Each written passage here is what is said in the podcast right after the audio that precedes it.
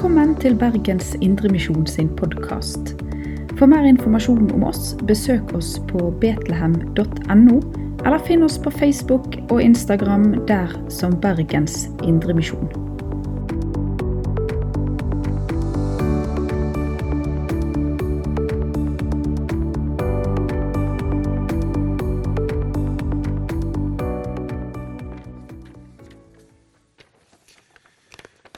Velkommen til bibeltime.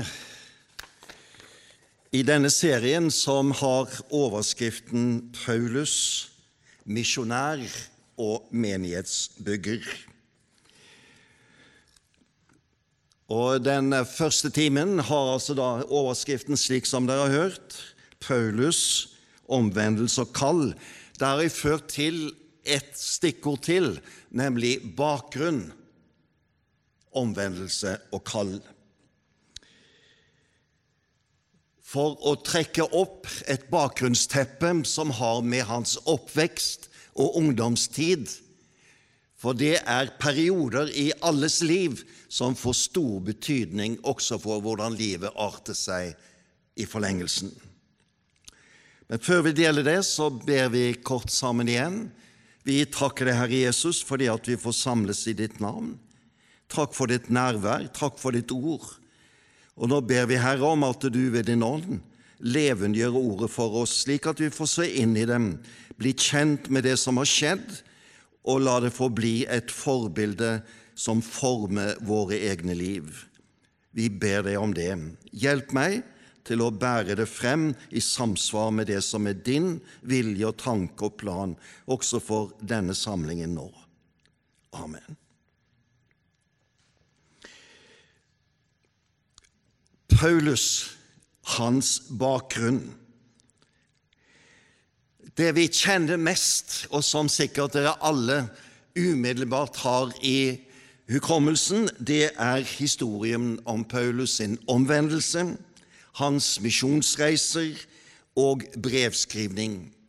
13 brev skrev han til menigheter og til enkeltpersoner.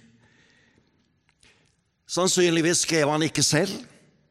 Det var en han dikterte for, og ser vi på avslutningen på noe av brevene, så merker vi dette, at det er en som skriver, og han skriver under til slutt. Disse brevene inneholder noen opplysninger om Paulus sin bakgrunn. Men det er jo fremfor alt apostelens gjerninger som gir et innsyn i Paulus sitt liv, sammen med noen avsnitt fra hans brev. Og Det er særlig Galaterbrevet hvor han føler seg tvungen til å si noe om sin livsbakgrunn. Det kan du lese om i kapittel 1 og i kapittel 2 særlig. Og så er han så vidt innom også noe av dette i Filippenserbrevet kapittel 3. Men det er altså fremfor alt apostelens gjerninger som gir oss et innsteg i hans liv, men bare glimtvis, aldri slik at han forteller hele sin historie. Apostelens gjerninger skrevet av legen Lukas. Og De som leser oppmerksomt i apostelens gjerninger, vil oppdage noen avsnitt som vi kaller vi-avsnittene, hvor, hvor Lukas skriver i entall, altså i, i, i første person, flertall. Vi gikk, vi reiste, vi var. Og da er le, legen Lukas med Paulus på hans reiser. Slik at når apostelens gjerninger skrives, så skrives den av en person som har reist sammen med Paulus, vært tett på hans liv og fulgt han over en lengre periode, og helt sikkert fått også den informasjon som gjelder de andre sidene ved hans virksomhet, hvor han, Lukas ikke selv var til stede. Lukas stiger inn i denne fortellingen i Apostelens gjerninger i Troas, før de drar over til Makedonia, og de er på den andre misjonsreisen. Så møter vi han igjen i den tredje misjonsreisen, Og så møter vi Lukas sammen med Paulus på den lange reisen, sjøreisen til Rom og oppholdet i Rom, som avslutter da apostelens gjerninger. Innenfor det som Lukas har skrevet, har Paulus tre forsvarstaler, hvor han letter litt på sløret om sin bakgrunn. Den ene talen har han da på tempelplassen når han blir arrestert helt på slutten av sitt liv, før vi får den avsluttende delen av hans liv under arrestasjon, opphold i Cesarea og videre sjøreisen til Rom. Det er den ene, når han står fremfor folkemengden på tempelplassen. Han er blitt arrestert, og så forteller han også noe om sitt liv, hvorfor han er der han nå er. Og så møter han datidens romerske toppembetsmann i Israel, nemlig landshøvdingen. Og Først møter han da Felix, og holder også en tilsvarende forsvarstale overfor Felix. Så går det en god del tid, så avsluttes Felix sin tjeneste, så kommer det en ny person, nemlig en som heter Festus, og han har invitert kong Agrippa. Og så henter de opp Paulus fra fangenskapet, og så holder Paulus sin tredje forsvarstale, hvor han gir noen glimt inn i sitt liv og sin bakgrunn. Bakgrunnen Paulus sin barndom og oppvekst og ungdomstid, det gir han en bagasje som han bærer med seg gjennom hele livet, og som er med på å farge også de erfaringer han gjør når han reiser som misjonær. På godt og ondt er disse erfaringene med på å prege hans liv. Og Vi skal først stanse for hans bakgrunn i hjemmet. Vi får noen få glimt inn i hvilket hjem han kom ifra, og noen opplysninger omkring dem. Og når vi kjenner litt til samtiden og til hvor han ble født, så får vi et bilde av Paulus som barn, i hjem og i oppvekst.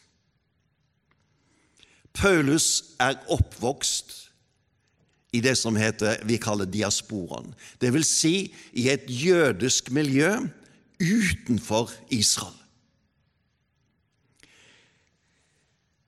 Han tilhører en, den jødiske stammen Benjamin. Han er en født hebreer, og han er altså en del av det jødiske miljøet. Han er født altså i Tarsus, jeg skal si litt mer om det.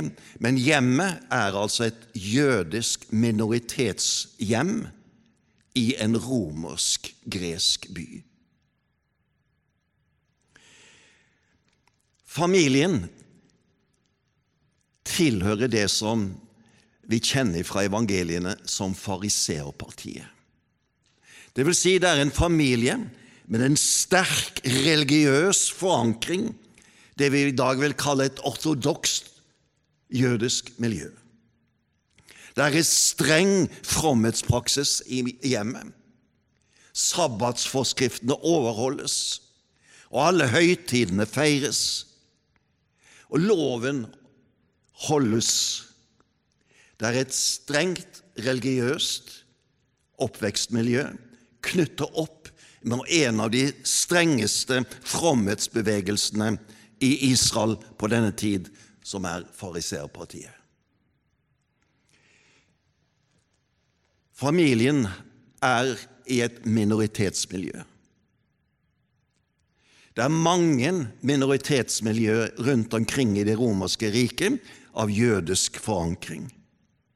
Det går langt tilbake i jødisk historie at det utvandra jøder fra Israel og slo seg ned rundt omkring i landene omkring, fremfor alt møter vi de i Egypt, men etter hvert rundt omkring i det hele romerske riket.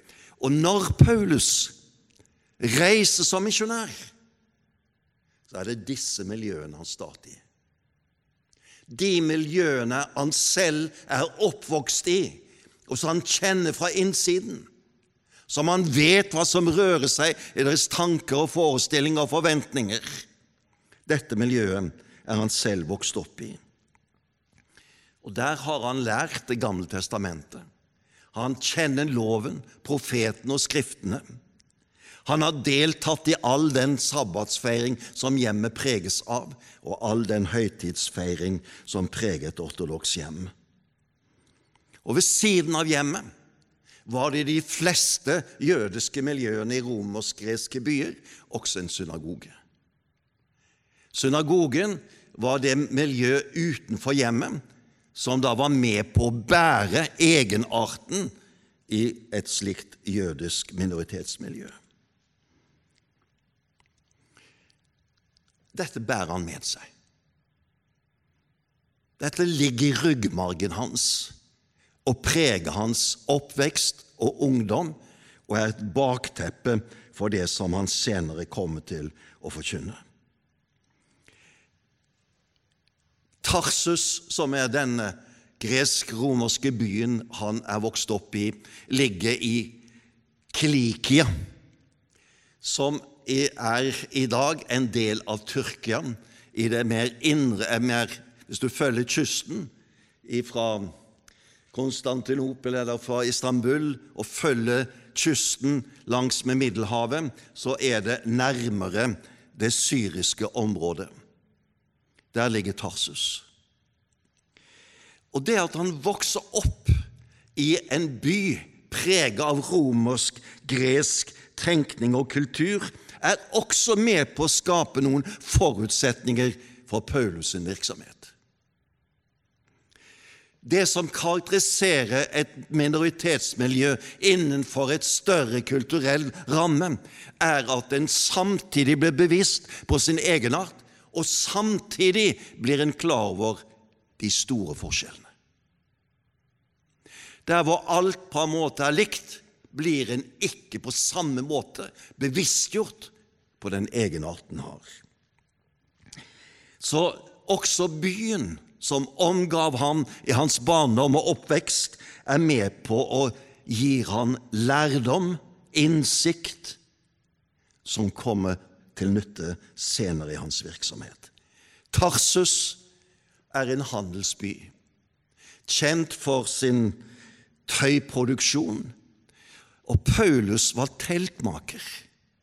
Altså, han jobba med tøyer som ble brukt i teltvirksomhet.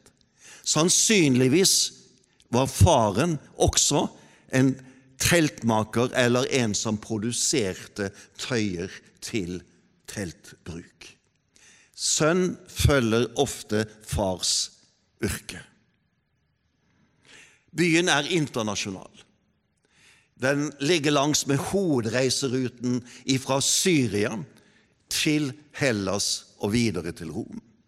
Det er et pulserende liv, og det er et internasjonalt liv. Her møter han strømdragene som er i datidens Romerrike av gresk, romersk og lokal karakter. Han ser det på nært hold, blir klar over hva det er for noe, og er klar over hvor forskjellene ligger. Det er en gresk by.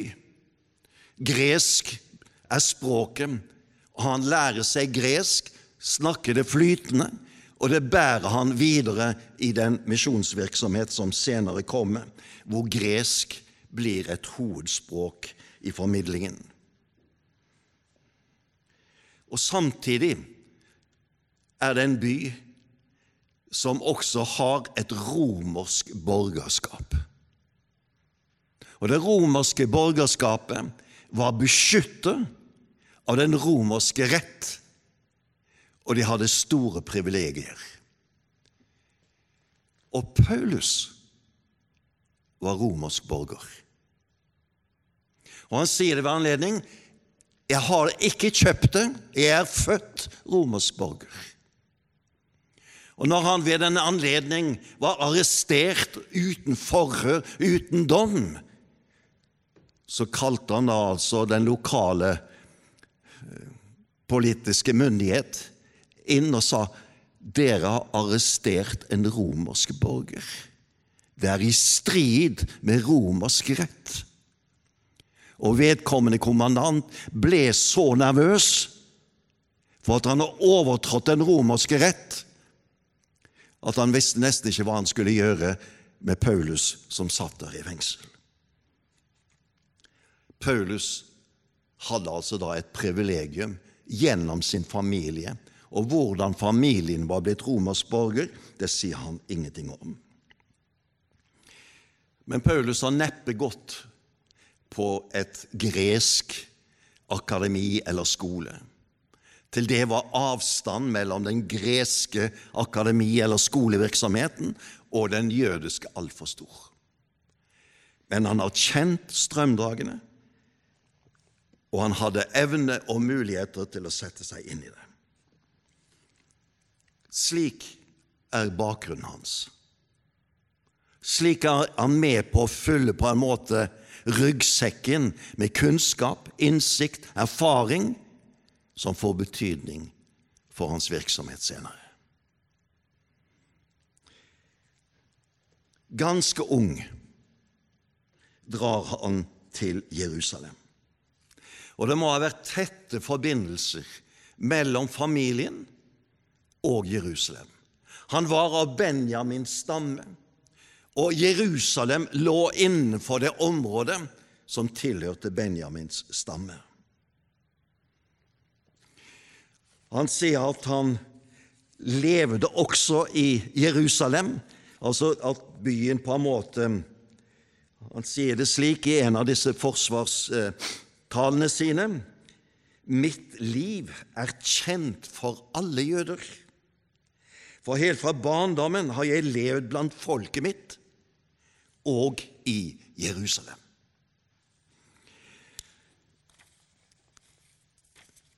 Disse båndene mellom familien og Jerusalem er helt naturlig når det er en familie som er knyttet til fariseerpartiet. Paulus blir dermed tidlig kjent med Jerusalem, med byen, med tempelet, med alt som skjer der, med folket som bor der, med myndighetene som er der. Det blir en del av hans ungdomstid. Sannsynligvis har Paulus fra tolvårsalderen oppholdt seg i Jerusalem. Da har Paulus på en måte gått inn i de voksnes stilling, vi husker Jesus som tolvåring da han var med til Jerusalem, og som tolvåring ble han på en måte betraktet som voksen. Da begynte Paulus sin teologiske og juridiske utdanning. Han forteller at han satt ved Gamaliels føtter og lærte loven å kjenne. Og Gamaliel var den mest berømte rabbiner på denne tid. Han tilhørte en slekt med rabbinere. Han var barnebarn av en av de mest fremtredende og kjente rabbinerne i Israel fra denne perioden 100 år før og etter Kristus. Denne bakgrunnen i utdanning og oppvekst gir han altså en forankring et ståsted.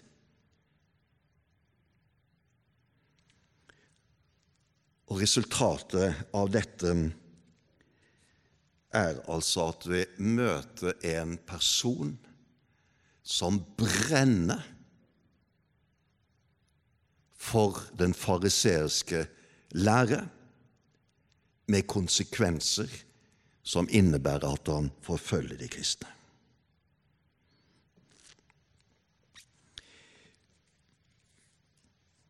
Hele hans oppvekst og utdanning måtte kollidere med det som skjedde med Jesus. Når vi møter Paulus i Apostelens gjerninger for første gang, det er i kapittel 6, 7 og 8. Før han drar til Damaskus. Situasjonen er den at Stefanus var en av de syv eh, diakonene. En ivrig indremisjonær som var på torget og var på gatene og fortalte om Jesus til alle som ville høre på det. Og jøder var vant til å diskutere det de hørte, og han kom i diskusjon med jøder fra diasporaen, og bl.a. jøder fra Kilikia, fra Paulus sitt oppvekststed. Det kan du lese om i kapittel 6 om denne situasjonen som Stefanus kom i med sitt frimodige vitnesbyrd. Hans forkynnelse og vitnesbyrd om Jesus virk, skaper en motreaksjon hos de, disse innvandrerne, disse jødene fra Kylike og områdene omkring. Og de arresterer Stefanus. Og som dere kjenner til, Stefanus stiger frem for Det høye råd og har en berømt preken, som du kan lese om i Apostelens gjerning kapittel 7, som går igjennom Det gamle testamentet for å vise sammenhengen mellom løftene som Gud hadde gitt til folket, og deres oppfyllelse i Jesus Kristus. Og når Stefanus kommer frem til denne avslutningen hvor han løfter Jesus frem som løftenes oppfyller, så resulterer det i et voldsomt raseri hos tilhørende.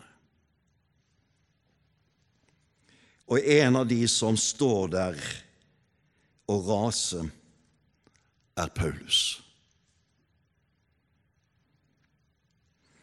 Alt det han har hørt av Stefanus, utfordre alt hva Paulus sto for. Alt han hadde lært hjemme, alt han var blitt undervist i, alt som han fikk med seg gjennom sin partitilknytning til fariseerne. Et enormt raseri. Og det er tydelig at Paulus også har en sentral rolle i denne episoden. De kommer da og legger de, de som vitner mot Stef, Stefanus, og de vil prøve på en måte å få han dømt og bruke falske vitnesbyrd, og de legger sine klær fremfor føttene til Paulus. Som uttrykker hvilken myndighetsperson Paulus allerede da var blitt. Og da det hele ender med at han blir anklaget, og de fører han utenfor byen, så er Paulus med når Stefanus steines. Dette skjedde ca. år 32-33, to-tre år etter at Jesus døde og sto opp igjen. Denne episoden med Stefanus den resulterer jo ikke bare i at Stefanus blir forfulgt og drept, men det bryter ut en forfølgelse i byen. Og det sies om Paulus, han kalles da Saul, og Saulus for hardt fram mot menigheten. Han trengte seg inn i hjemmene og slepte ut både menn og kvinner og fikk dem kastet i fengsel.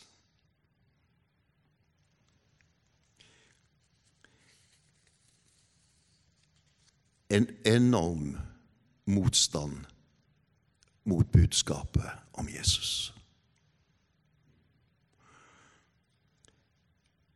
Så har han lurt på har Paulus noen gang møtt Jesus? For Paulus var i Jerusalem på den tid Jesus levde og virka der. Men Paulus nevner aldri at han har møtt Jesus. Men han møtte Jesu disipler. De som vitner om Jesus som Guds Messias. Og den talen som han hørte av Stefanus, var kjernen i det budskap som de første kristne brakte frem. Dette utfordrer hele Paulus sitt liv.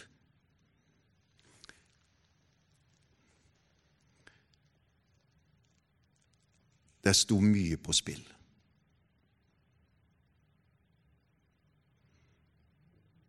Møtet med den kristne menighet utfordrer hele Paulus sin eksistens. Alt som var bygd opp omkring hans identitet som ortodoks jøde, ble utfordret. Og han raste imot. Det er bakgrunnen for at han legger ut på en reise til Damaskus. Og Jeg leser dette avsnittet fra Apostelens gjerninger kapittel 9, fra vers 1 til 9 først, slik at vi på en måte har det med i bevisstheten hos oss. Saulus raste fremdeles mot Herrens disipler og truet dem på livet. Han gikk til øverstepresten og ba om brev til synagogene i Damaskus for å kunne finne dem som hørte til veien, både menn og kvinner, og føre dem i lenker til Jerusalem. Underveis, da han nærmet seg Damaskus, strålte plutselig et lys fra himmelen omkring ham. Han falt til jorden og hørte en stemme som sa, Saul, Saul, hvorfor forfølger du meg? Hvem er du, Herre? spurte Saul. Og svaret lød, Jeg er Jesus, han som du forfølger. Men reis deg nå og gå inn i byen. Der vil noen si deg hva du skal gjøre. Mennene som fulgte ham, sto målløse. De hørte stemmen, men så ingen. Saulus reiste seg og åpnet øynene, men han kunne ikke se.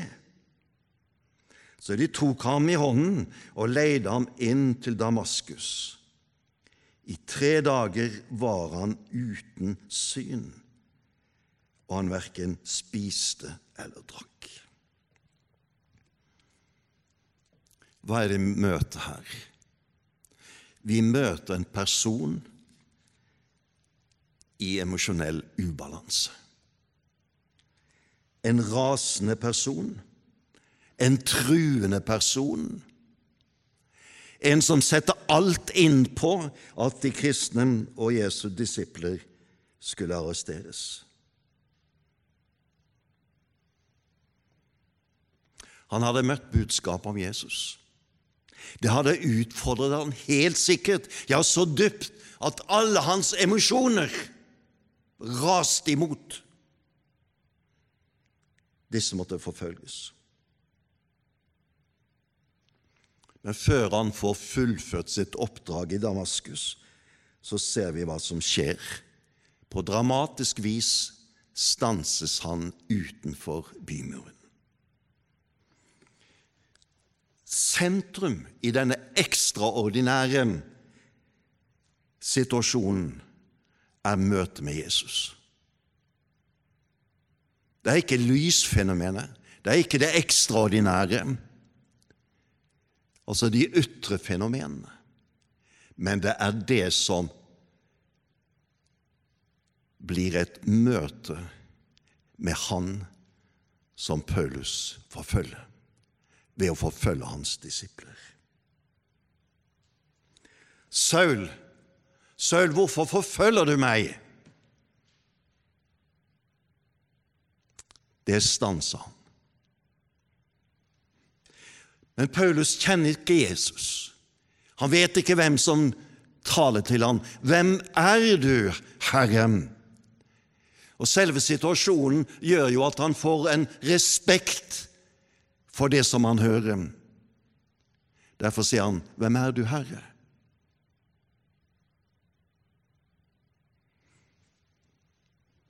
Jeg er Jesus, han som du forfølger.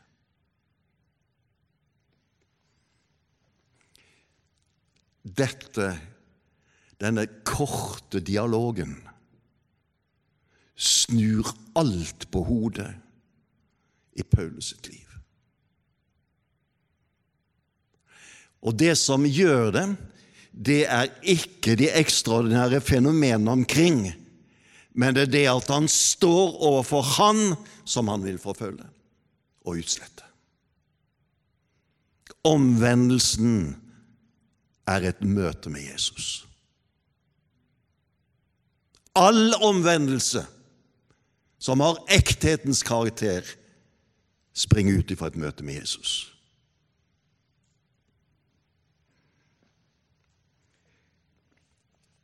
Han står overfor den levende, oppstandende Jesus Kristus, Guds utvalgte Messias. Og det som skjer, er altså en, et totaloppbrudd i hans liv. Denne lille, korte gjengivelsen av dette møtet har enorme konsekvenser for Paulus. Det innebærer et brudd med det religiøse lederskap som han hadde fått myndighetsbrev ifra. De øverste lederne med øverstepresten i spissen. Han må bryte med dem. Han bryter med det religiøse parti som har vært med på å gi ham hans religiøse identitet og iver. Han må bryte med det. Han må bryte med sin familie, som tilhører fariseerpartiet. Og hele hans teologiske system og gudsforståelse må ommøbleres og reforstås og retolkes. For nå er Abrahams, Isaks og Jakobs Gud er Han som har handla i Jesus Kristus til frelse for alle mennesker. Det er et så revolusjonerende oppbrudd fra hans tidligere liv. Det er dramatisk med dramatiske konsekvenser.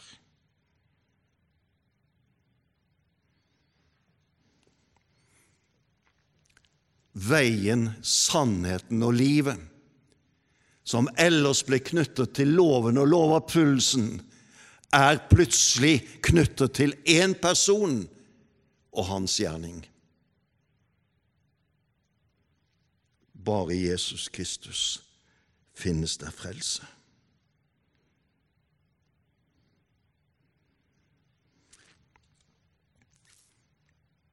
Der står Paulus.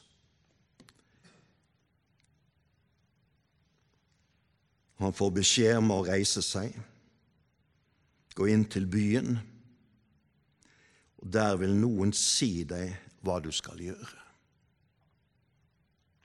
Det er som om dette øyeblikk umiddelbart har snudd alt på hodet for ham. En ny kurs, og du skal få vite hvilken kurs det er. Gå inn, og noen skal komme til deg. La oss lese fortsettelsen. I Damaskus bodde en disippel ved navnet Ananias. I et syn sa Herren til ham, Ananias. Han svarte, Her er jeg, Herre. Og Herren sa, Gå bort i den gaten som kalles Den rette, og i huset til Judas skal du spørre etter Saulus fra Tarsus. For se, han ber. Og han har hatt et syn og sett en mann som heter Ananias, komme og legge hendene på ham, så han får synet igjen. Men Ananias svarte, Herre,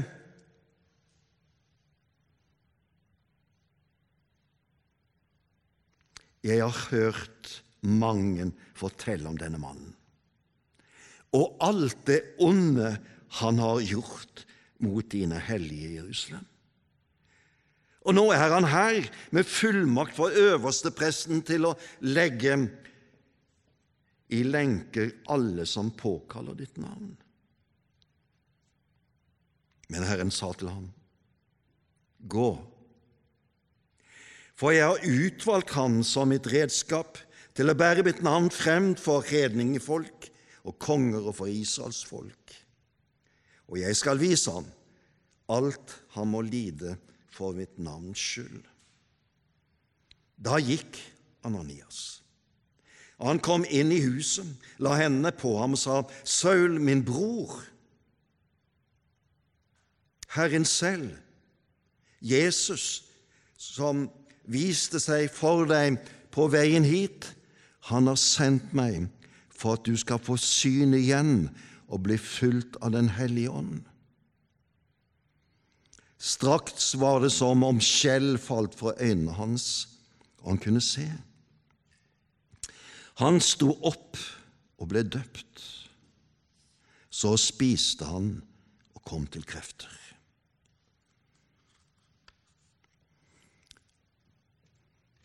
Paulus ført inn i byen, til gaten den rette, i huset til Judas.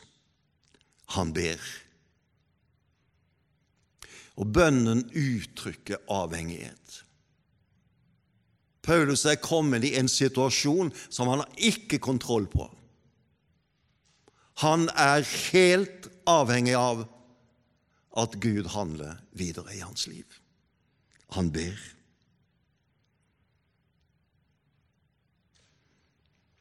Så er det at han også har hatt et syn hvor han har sett Ananias, som skulle komme, en av disiplene i byen, en av de han skulle arrestere. Han har sett han komme. Og Ananias har hatt syn. Jesus har talt til han, men Ananias vegrer seg. Han du ber meg gå til, han er jo kjent for å være den verste forfølgeren som vi har møtt. Tenk på hva han har gjort i Jerusalem, og nå kommer han hit for å gjøre det samme blant oss som bekjenner ditt navn. La meg slippe. Det er risikofullt. Det er farlig. Ananias vet jo ikke hva som har skjedd og han har en naturlig reaksjon.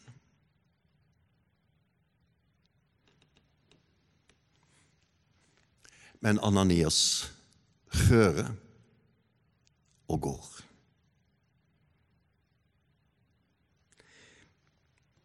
Denne fortellingen fra hans omvendelseshistorie er viktig. For hva betyr det at en av lederne i den lokale menighet i Damaskus kommer til Paulus, som ligger der ensom, i bønn og i uvisse.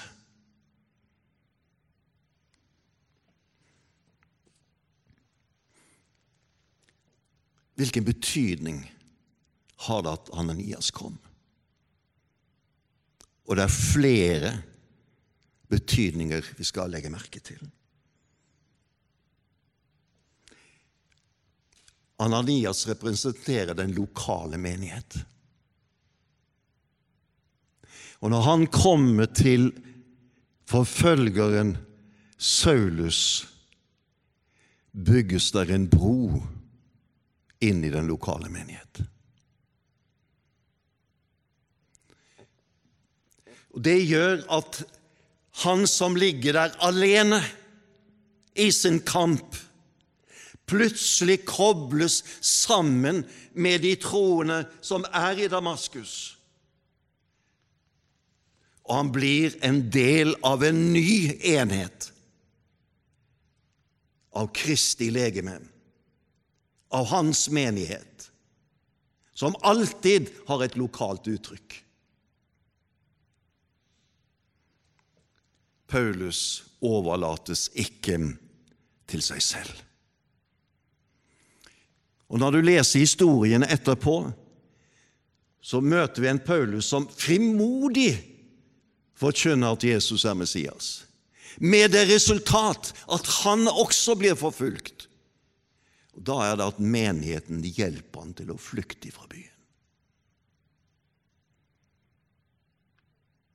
Han trengte denne menighet.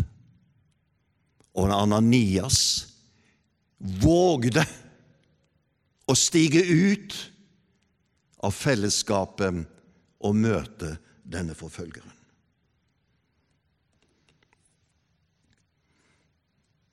Så ser vi at Ananias bringer Paulus til dåp. Dåpen Paulus kunne ikke ha døpt seg selv. Dåpen er en menighetshandling. Den er knyttet til menighetens kjennetegn. Og Derfor tar Ananias han med inn. Han blir døpt, for sine synder tilgitt. Han blir reist opp til et nytt liv med Jesus Kristus. Han er lukket inn i det fellesskap som dåpen fører oss inn i. Og det tredje det er at når Paulus har hatt dette synet i møte med Jesus Han har fått beskjed om at han skal få vite hva han skal gjøre. Han er i bønnen. Så er det helt sikkert noe som rører seg i hans indre liv av tanker og forestillinger om hva nå skal skje. Så kommer personen ifra menigheten og bekrefte hans kall. Det indre drivet som helt sikkert Paulus kjente etter møtet med Jesus, får sin bekreftelse, sitt ytre kall. Og Ananias sitt budskap til Paulus om hans tjeneste er med da på å tydeliggjøre hva som er hans oppdrag.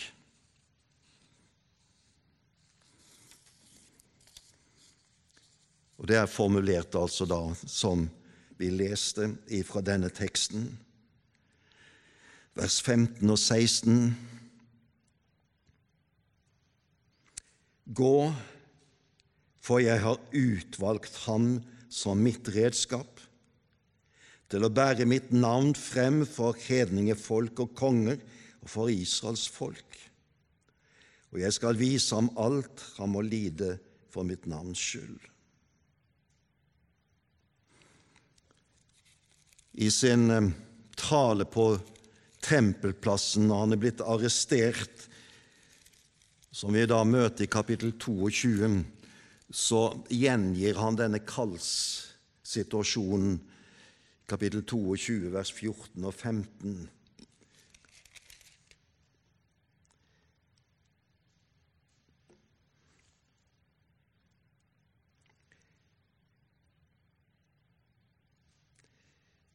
kan lese fra vers 12. Det var, der var det en gudfryktig og lovtro mann, Ananias, som alle jødene på stedet hadde godt, bare godt å si om. Han kom, stilte seg foran meg og sa, Saul, bror, bli seende. I samme stund kunne jeg se ham.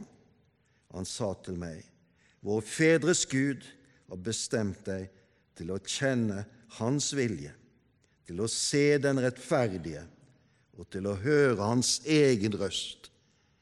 For du skal være Hans vitne for alle mennesker som du har sett og hørt. Så hvorfor nøler du nå? Kom og la deg døpe og få syndene vasket bort mens du påkaller Hans navn. Slik gjengir Paulus denne kallsituasjonen som beskrives i kapittel 9, som vi har lest. Hva er det kallet går ut på? Det første Gud har utvalgt ham.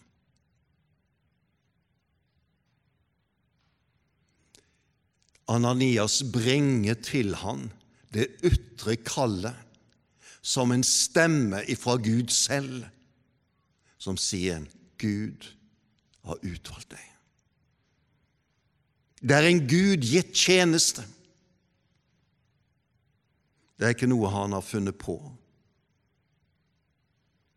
Og tjenesten har alltid sine smerter, sine tunge stunder. Hva faller en da tilbake på?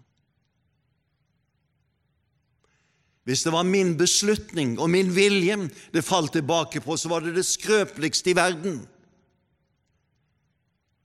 Men Paulus faller tilbake på Gud har utmeldt meg til denne tjeneste. Det er hans tjeneste. Det er hans oppdrag. Ikke mitt, ikke mitt prosjekt, men det er hans. Og så ser vi fra denne gjengivelsen i kapittel 22 hvor Paulus sier han skal se den rettferdige og høre hans røst. Og Da er det tale om den særegne stillingen Paulus får som apostel, hvor han blir vitne om den oppstandende Jesus Kristus, og blir da på en måte den trettende apostel. Og Når du leser 1. Korinterbrev 15, så ser du på en måte hvor viktig akkurat denne siden ble i hans tjeneste. Og i sentrum av hans forkynnelse skal Jesu navn stå. Jesu navn representerer personen, han som er sann Gud og sant menneske. Og det representerer hans gjerninger til frelse, til nytt liv, til håp, Det er alt det som det kristne budskapet bærer med seg om hva Jesus skal gjøre. Du skal forkynne mitt navn. Og så avsluttes det med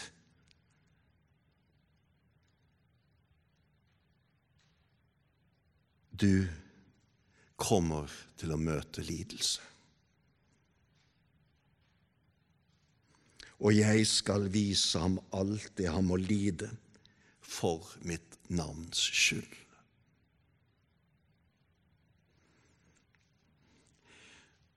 Når du leser gjennom Apostelens gjerninger fra kapittel 9 og utover, når vi møter Paulus i hans tjeneste, så møter vi også noen sider ved hans lidelse. Paulus omtaler ikke ofte de lidelseserfaringene han gjør. Men en gang er han nødt til å gjøre dem, og da er det andre Korinterbrev, kapittel 11, fra vers 23. Og når vi leser det som står der i kapittel 11 fra vers 23, så oppdager vi at lidelsen var mye mer omfattende enn det apostelens gjerninger bredte ut for oss.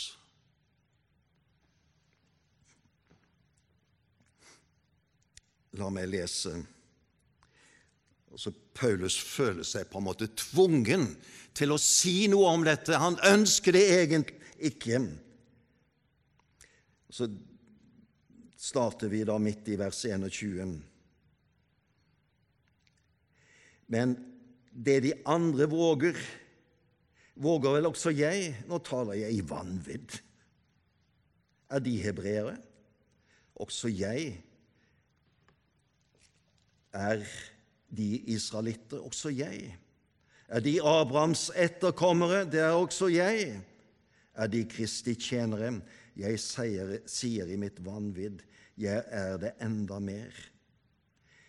Jeg har hatt større strev vært oftere i fengsel, fått flere slag og mange ganger vært i dødsfare.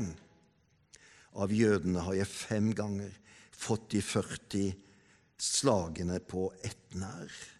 Tre ganger har jeg blitt pisket, én gang steinet, tre ganger har jeg lidd skipbrudd, og jeg har drevet en gang et helt døgn rundt på havet.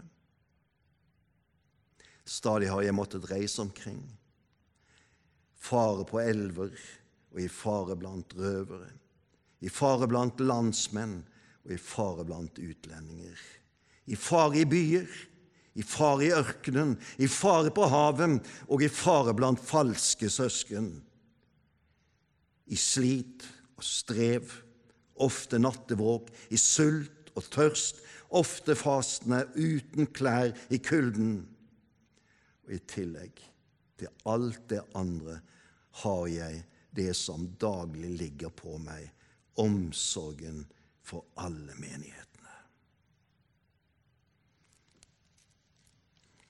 Lidelsen i tjenesten.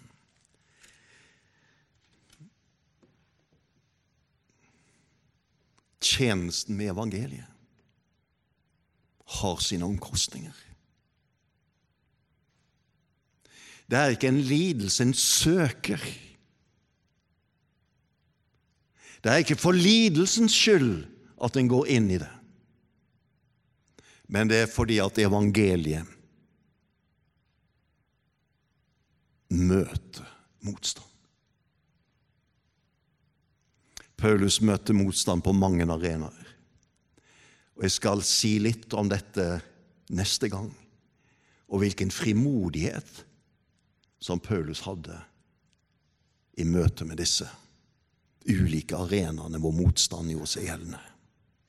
Hva som var nøkkelen til hans frimodighet. Misjonæren. Men han kjente det landskapet han gikk inn i.